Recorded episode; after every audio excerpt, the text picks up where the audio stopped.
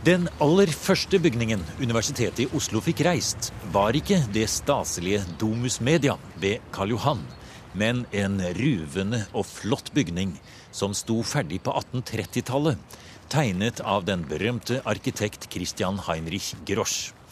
I sin samtid var det astronomiske observatorium ved Soli plass et stolt symbol på matematikk og naturvitenskap, godt synlig på Kristianias skyline. Å ja. Det var synlig fra hele byen og omegn, og det ligger faktisk på en fjellknaus, nesten en slags klippe.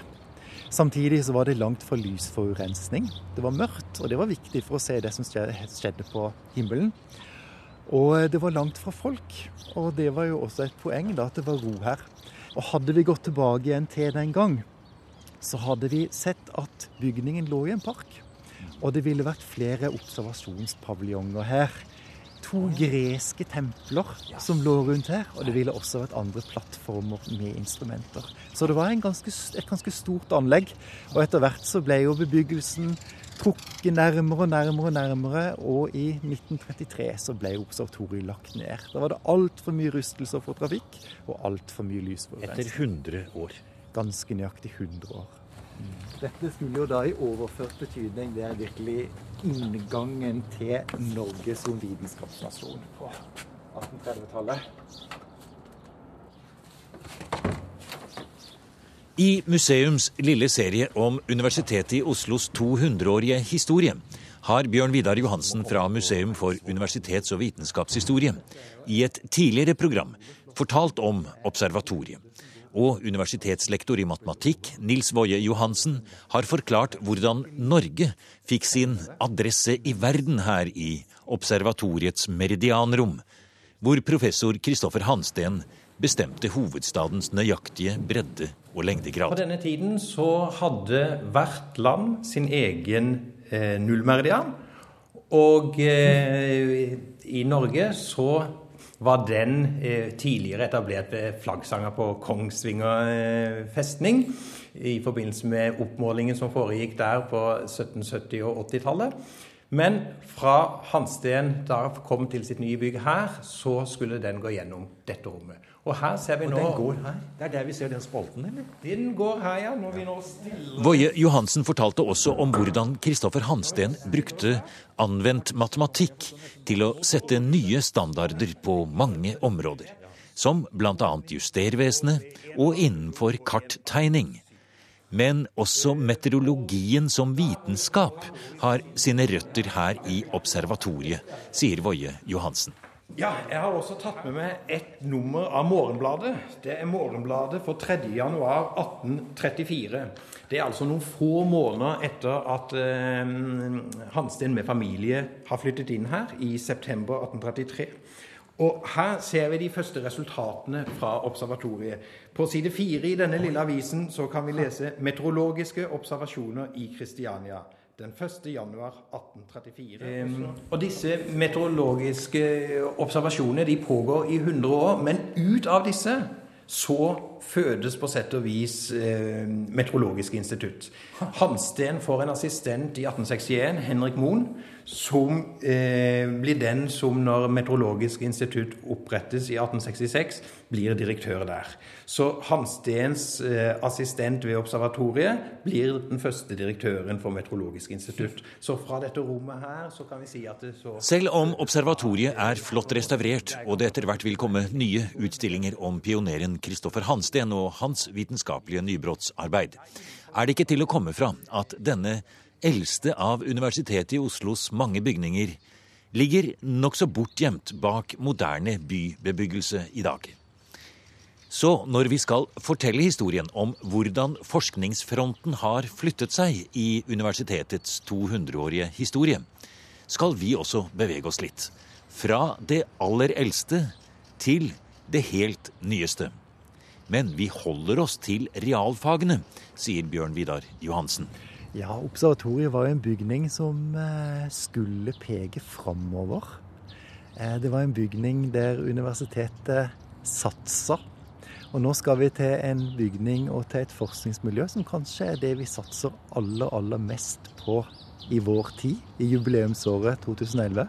Og da skal vi til det som heter Ole Johan Dahls hus, og til informatikkfaget.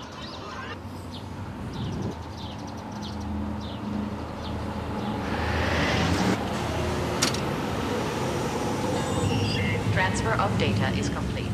Nå er vi i Gaustabækkdalen ved Blindern. Vi ser rett over mot Meteorologisk institutt og eh, selve universitetsbygningen på Blindern campus.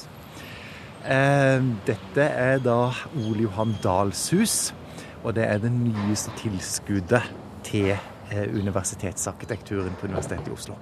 Og vi hører det banker, og vi hører anleggsmaskiner. Vi hører at det er nesten helt nytt. Og vi har arkitekt Einar Hagem her. Du står egentlig nå og jeg får si det rett ut, beundrer litt dette bygget som du har vært med på å, å, å tegne og, å stå bak. Og jeg får si det gjør jeg også, for det er et eh, flott, moderne bygg vi står og ser på her. Ja, jeg er ganske, faktisk ganske fornøyd. Jeg syns at, det er blitt, eh, at, det, at det har blitt en bra gjennomføring av byggesaken. Og ja, vi er veldig opptatt av at dette bygget skal tilhøre Blindern og være en del av Blindern-miljøet. Forklar oss litt hvordan du har fått bygget plassert inn i omgivelsene her. Det går en stor trikkelinje like ved her, og det er noe grønt rundt her. Og så hørte vi som Bjørn Vidar sa, eh, Meteorologisk institutt ligger der oppe. Ja, altså Blindernplatået ligger jo, som navnet tilsier, på et platå. Og, og rett vest for Blindernplatået så ligger Gaustabækkdalen. Og den dalen har vært eh, forsømt eh, i flere år og var en stor parkeringsplass. Så en veldig viktig del i dette byggeprosjektet var å å gjenskape Gaustabækkdalen som en attraktiv eh, landskapspark, hvor også Gaustabekken skal frem. Og det kommer et stort eh, vannspeil i, som, som, en del av Gaustabekken foran dette bygget. Hvis jeg skulle på rent sånn ufaglærte termer beskrive dette bygget, så er det en, et ganske langt, avlangt bygg hvor det reiser seg i enden av bygget en mye høyere etasjeblokk. Og så er det sort. Det er eh, søyler og glass i nederste etasje. Og så er det noen helt utrolig spennende, syns jeg, da, eh, på en måte elementer som er plassert uti bygget, litt forskjøvet i forhold til hverandre. Skulle nesten tro at det er innsiden av en datamaskin. ja.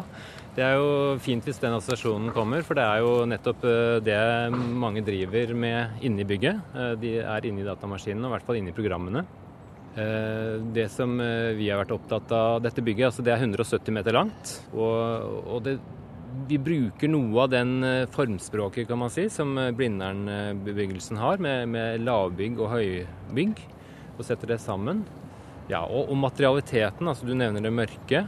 Det mørke og også tegl det er to materialer som vi kjenner fra Blindern, og som eh, vi syntes var interessant å, å, bruke videre. Ikke bare finne på noe helt nytt, men, men fortsette en, en, slags tradisjon og videreutvikle den.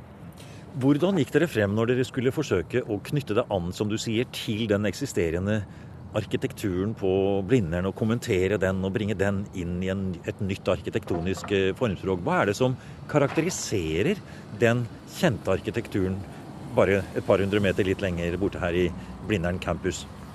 Altså Et veldig viktig trekk er nettopp dette med høy og lav. Altså At man, man lager bebyggelser som ikke er for høy. At, man, at, at Hvis alt var høyt, så liksom, får man ikke til den menneskelige skalaen. Uh, og den annen ting som vi er veldig opptatt av, er liksom transparens. At man ser gjennom når man er på bakkeplan. At man måtte se gjennom byggene. Uh, det, det, ser vi flere fine eksempler på Blindern.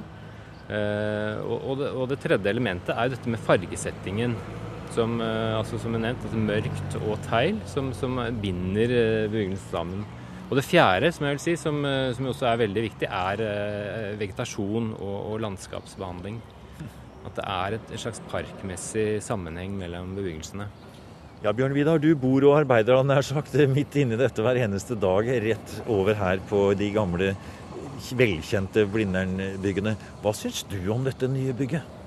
Nei, Vi som jobber med universitetshistorie er veldig glad i historiske referanser, og her har vi veldig mye flotte referanser. Og det er jo flott at det er Blindern og 60-tallets Blindern som er inspirasjonskilden her. Det binder jo dette området sammen på en utrolig flott måte. Samtidig som dette er umiskjennelig et helt moderne bygg. Her er det ikke noe kopi av noe som er 60-talls retroarkitektur. Det har sin helt egne identitet. Og så kan jeg også nevne at vi syns det er veldig flott at teilen også er framtredende her. For når det øvre Blindern ble bygd på 60-tallet, så var det jo nettopp teglveggene fra de eldste bygningene på nedre Blindern fra 1930-tallet som var eh, viktig for eh, 60-tallets arkitekter. Så her har vi lange, lange linjer. Og her står eh, Morten Dæren. Du har eh, hatt gleden av å arbeide litt inne i huset, for det er jo nesten helt nytt. Og du står jo med et enda større smil enn alle oss andre her og ser på dette nye, for du er virkelig fornøyd. Ja, dette, har, dette, er en fantastisk opplevelse for meg som instituttleder og for alle som eh, arbeider på Institutt for informatikk. Vi har fått et helt nytt bygg, og alle våre studenter og alle våre ansatte er nå for første gang på over 30 år samla på ett sted. Og vi forvalter jo et fag som er av stor betydning for samfunnsutviklingen. Eh, dette er fremtiden, mener du?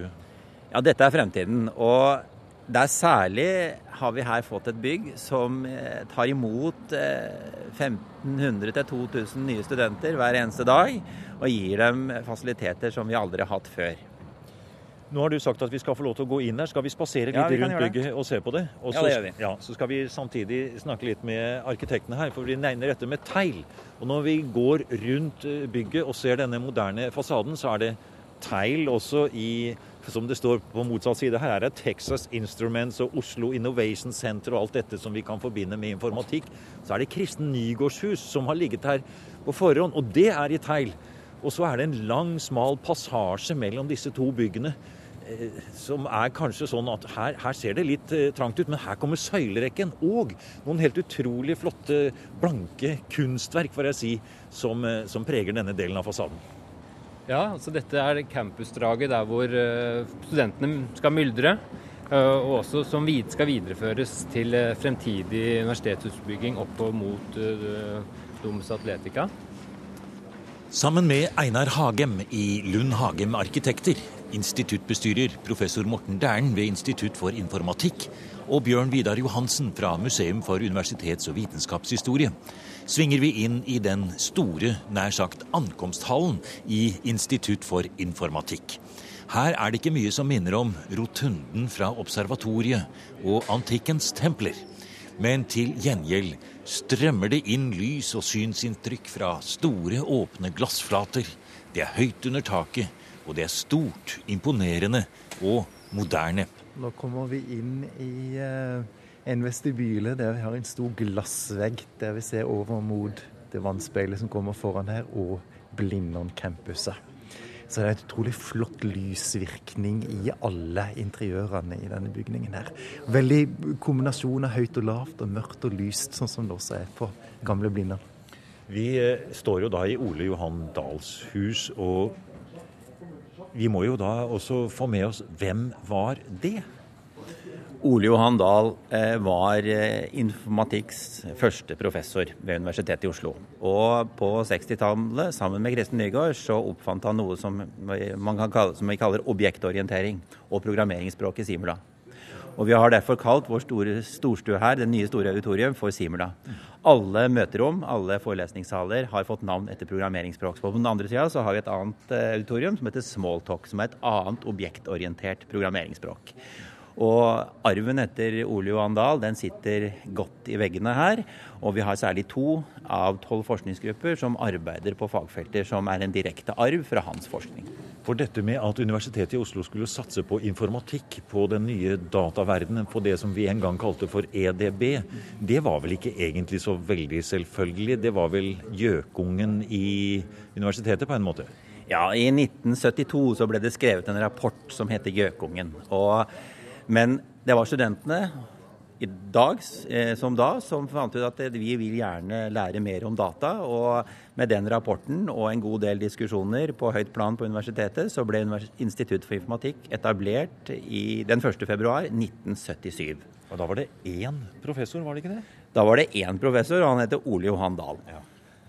Men det var noen flere eh, førsteamanuenser og dosenter som etter hvert også ble professorer. Har det vært uh, vellykket? Dere, si, hvordan står dere i dag i forhold til internasjonal forskning på dette feltet? Vi har, en, vi har vokst veldig. Og naturlig nok, dette har blitt et fag som har stor betydning for samfunnsutviklingen. Vi har da, i dag 1500 studenter og er det største instituttet på Universitetet i Oslo.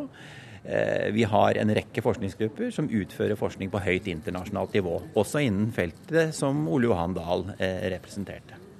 Vi får spørre arkitekten her, Hagem. Du får nå ta oss videre innover i bygget og forklare hvordan dette er ment. Hvordan skal det si, bygget strømme mot oss når vi kommer inn i det? Inne i interiøret så har vi vært veldig opptatt av dette med å lage vekselvis høye og lave rom. At det er noen rom som er viktigere. Vi har kantina, vi har denne hallen vi står i nå. Og så har vi neste høyrom som er biblioteket. Og så får vi på en måte da med oss annen etasjen som en slags mesanin. Sånn at de henger litt sammen, de to etasjene. Det, vi kan jo gå litt bortover og se litt på mer ja. elementer. Og her går vi forbi en stor modell av eh, bygget. Ja, og her ja. kommer vi til det som skal bli biblioteket, det som er det neste store dobbelthøye rom. Og, og der står det bl.a. en modell en, som er bygget av Lego. Så det, det er en informatikk... eh, på, på, universitetet her som, eh, som har bygget. Ja, internasjonal forskning og Lego. Ja, den eh, ble bygget fordi vi det, det, tok jo litt tid før bygget kom, så vi måtte ha noe å se på mens vi venta på denne, dette flotte bygget. Så en av våre studenter han satte seg ned og, og bygde bygget i Lego. Nå har det akkurat flyttet inn her, og i det vi nå ser inn i biblioteket, så her kommer det nå, i forbindelse med at vi har et 200-årsjubileum, så skal det nå komme en utstilling her som skal stå over selve jubileumsdatoen 2.9. Etter det så skal eh, biblioteket ta dette eh, arealet i bruk til mer ordinær biblioteksvirksomhet. Men foreløpig så er dette avsatt til en utstilling, som sagt.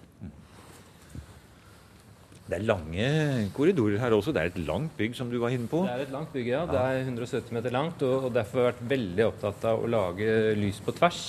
Det skjer ting på tvers. Og alle også sånn fargemessig, overflatemessig, eh, bruke alle tverrveggene. Gjøre dem lyse. Eh, eh fange lyset. Skal vi gå opp her, ja?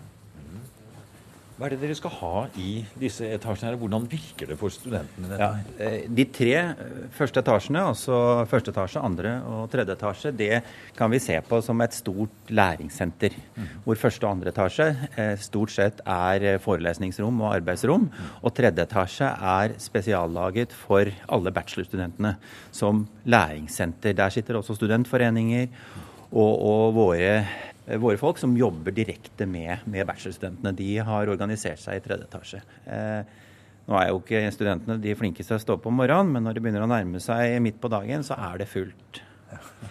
Og, og da er det fullt til langt utover kvelden. Så vi har nå... Derfor ikke er så mange her nå, da? Nei, Det som skjer, det er at vi nå har bestemt at vi skal endre åpningstider, fordi vi ser at, eh, at eh, arbeidsvanene er litt annerledes enn det vi kanskje hadde forventa. Det begynner å myldre her i 10-11-12-tida, og da vil vi holde lenger åpent enn det vi opprinnelig planla. Som et eksempel på hva, at vi må monitorere oss i forhold til tilpasset i forhold til studentmassen. Ja. Internett er jo åpent hele døgnet, har jeg hørt? Internett er åpent hele døgnet, og, og, det er helt klart at studentene også jobber mer hjemmefra nå enn de gjorde før. Ja, den er flott. Her er vi inne i rå betong og ting og i margen på bygget. Det lukter fersk betong her ennå. Ja. 170 meteren, ikke sant? Og så står Så deler deler det lange bygget seg opp med, med det som vi kalte allmenninger. Så hver avdeling på bygget, hver forskningsavdeling, hver instituttsavdeling De har en teig? Har en teig ja. hvor de kan møtes, og hvor de får dette gjennomlyset på tvers. Og alle har også da en mulighet til å komme ut, uansett hvilken etasje det er i. Det kan vi si at disse teigene her, disse åpne arealene her, det har vært en umiddelbar suksess. Jeg har telt etter, det er elleve av dem. Eh, og det er altså tolv forskningsgrupper. det er to små forskningsgrupper som deler en teig, men det er bare bra. Eh, og rundt denne teigen her så er det møterom og kontorer og, og, og mer åpne arealer for, for studenter. Nettopp. Og vi ser på whiteboard-tavla der, så er det noen som designer arkitekturen inni en datamaskin, ser ut til. Hvor de tegner og ordner. Ja. Det er helt riktig. Her driver vi med nanoelektronikk. Og de eh, to gutta der de, med, de er på forskningsgruppa for robotikk og intelligente systemer. Og det de bygger, er elektronikkløsninger for ulike, ulike formål. Istedenfor meridianrommet og kuppelen med teleskopet som var rettet mot stjernehimmelen over Kristiania, forsikrer instituttbestyrer Morten Dæhlen at laboratoriene her i Ole Johan Dahls hus er fulle av eksperimenter og forskning som strekker seg utover landegrensene. Det er nanoelektronikk, motion capture, robotikk og alt som hører med for å drive den internasjonale forskningsfronten videre. Et eksempel på et helt ferskt resultat av denne forskningen er en oppfinnelse som kan brukes i mobiltelefoner som en håndholdt liten radar. Ja, I etasjen over så har vi våre, vårt nanoelektronikklaboratorium. Og der bygger vi altså elektronikk på, i veldig liten skala. Og den radaren vi her snakker om, den kan f.eks. monteres inn i en mobiltelefon. Og eh, da kan du nærmest som et røntgenbilde, hvis du har skada deg, så kan du ta fram mobiltelefonen, sette mobiltelefonen opp mot hånda di og se gjennom eh, vevet og se om du har fått skadet bein. Per i dag så er det på ingen måte så nøyaktig som røntgen, men det gir deg en indikasjon om du har fått et brudd, f.eks. Og jeg har forstått det sånn at man kan lete etter miner med den også? Ja, dette er jo en radar. kan du jo se langt, Den klassiske radaren er jo for, som brukes på båter. Da ser du langt fram. Dette er såkalt kortholdsradar, og du kan se gjennom materialet på kort avstand. Og da kan du se etter eh, Gjennom bein, sand, gjennom snø, gjennom, sand, gjennom, gjennom hva som helst. Er dette en oppfinnelse som er gjort her i, på Universitetet i Oslo, da? Det er en oppfinnelse som vi har gjort her i samarbeid med, med eksterne aktører. Eh, Men eh, hoveddelen av forskningsarbeidet er gjort her over de siste ti årene. Og så kan vi nesten ikke være her på denne avdelingen på Universitetet i Oslo uten å spørre om du bare kan ta superkort historien for oss på hva har Universitetet i Oslo å gjøre med å si, internett og de første forskningsforsøkene der? Ja, så eh, Internett er eh, eh, med respekt å melde, så hovedideen bak internett den starta nok i USA. Men eh, allerede tidlig på 70-tallet så var det forskere fra Universitetet i Oslo med på å definere det som heter TCP/IP, altså den protokollen som gjør oss i stand til å sende en e-mail fra meg til deg. Det går ut i systemet, og da registreres det noen, eh, noen tegn som sier at ja, denne skal til deg. Og det er disse protokollene vi da snakker om. Så forskere herfra var med på det i internetts barndom. Og internett kom til Norge i 1972. Ja, det var NorSAR var først, og så kom alle universitetene på. Og det var forskere herfra som deltok i det arbeidet å definere den protokollen. Litt senere, i 1991, så kom det som heter World Wide Web. Da var også forskere på Institutt for informatikk på, og de etablerte det som da var OsloNet, som var et av verdens første nettselskaper. Som etter hvert har blitt Schibsted, Scandinavian Online osv. Hvis du ser på forskningen på dette instituttet, som, dette, som er spredd utover dette bygget, så det, kan det klassifiseres inn i fem hovedtemaer. Det er det å, å, bygge og utvikle og forstå bruken av informasjonssystemer. Og det har en eh, veldig nær kobling til samfunnsvitenskap og humaniora. Så er det å lære å programmere disse maskinene. Altså fortelle dem hva de skal gjøre. Så vi utdanner og forsker på programmering. Så er det kommunikasjonsteknologien som har med internett å gjøre. Det er den tredje. Den fjerde er de som bygger dingser, bygger datamaskiner. Enten det er innenfor robotikk eller det er innenfor nanoelektronikk. Og, den, og en telefon som f.eks. har en innebygd radar, er en sånn dings. Og den fjerde er de som utfører store beregninger ved hjelp av datamaskiner. Og Veldig veldig mange fag rundt omkring bruker det. Innenfor eh, biologi og medisin bruker stadig mer datamaskin for å utføre beregninger for å forstå hvordan kroppen fungerer. Som et eksempel. Og Det er de fem hovedtemaene vi har. Det vi er opptatt av, og det som er interessant å observere, at det går vi 300-400 år tilbake i tid, til Leibniz og Pascal og de store tenkerne på den tiden, så var de multivitenskapsmenn som jobbet med matematikk, fysikk, samfunnsvitenskap, kunst og kultur. Eh, så ble vitenskapen stadig mer viktig, og etter hvert så etablerte seg, etablerte seg eh, ulikt antall disipliner. Og eh, vitenskapsfolk de fjernet seg fra hverandre. Du fikk klasser av realister og humanister og samfunnsvitere. Det vi har observert, og vi klart observerer nå i de siste kanskje 50 årene, men særlig nå etter at kanskje internett kom og ble en slags form for felles motorvei, at ting konvergerer sammen på ulike måter. Og informatikkfaget, som da holder til i dette bygget, vi har armer inn i en rekke fag, kanskje nesten de fleste fag innenfor, eh, innenfor Universitetet i Oslo. Fra samfunnsvitenskap og humaniora til medisin og, og naturvitenskap på den andre siden. Og i forhold til business. Og ikke minst, eh, vi har jo et stort oppland av, eh, av, samarbeidspartnere ute. Jeg tror vi per i dag har mer enn 60 samarbeidspartnere i norsk næringsliv og offentlig forvaltning som direkte bidrar i våre prosjekter. Og som vi samarbeider med for å utvikle løsninger som de trenger for sin virksomhet. Er det sånn at forskning og business vokser mer og mer sammen også? Ja, det, Forskning og forretningsutvikling vokser sammen. Og hele samfunnet er jo tufta på den vitenskapelige utviklingen. Og veldig mye av de nye tingene vi opplever, enten det er innenfor informatikk eller energi, har sitt utspring i forskning. Og Derfor så er jo også næringslivet eh, veldig opptatt av hva vi driver med. Og Derfor så har vi såpass mange partnere. Transfer complete. Transfer complete. Du har nå hørt programmet Museum som podkast fra NRK. Museum sendes i NRK P2 på lørdager og søndager. Du finner flere programmer på nrk.no podkast.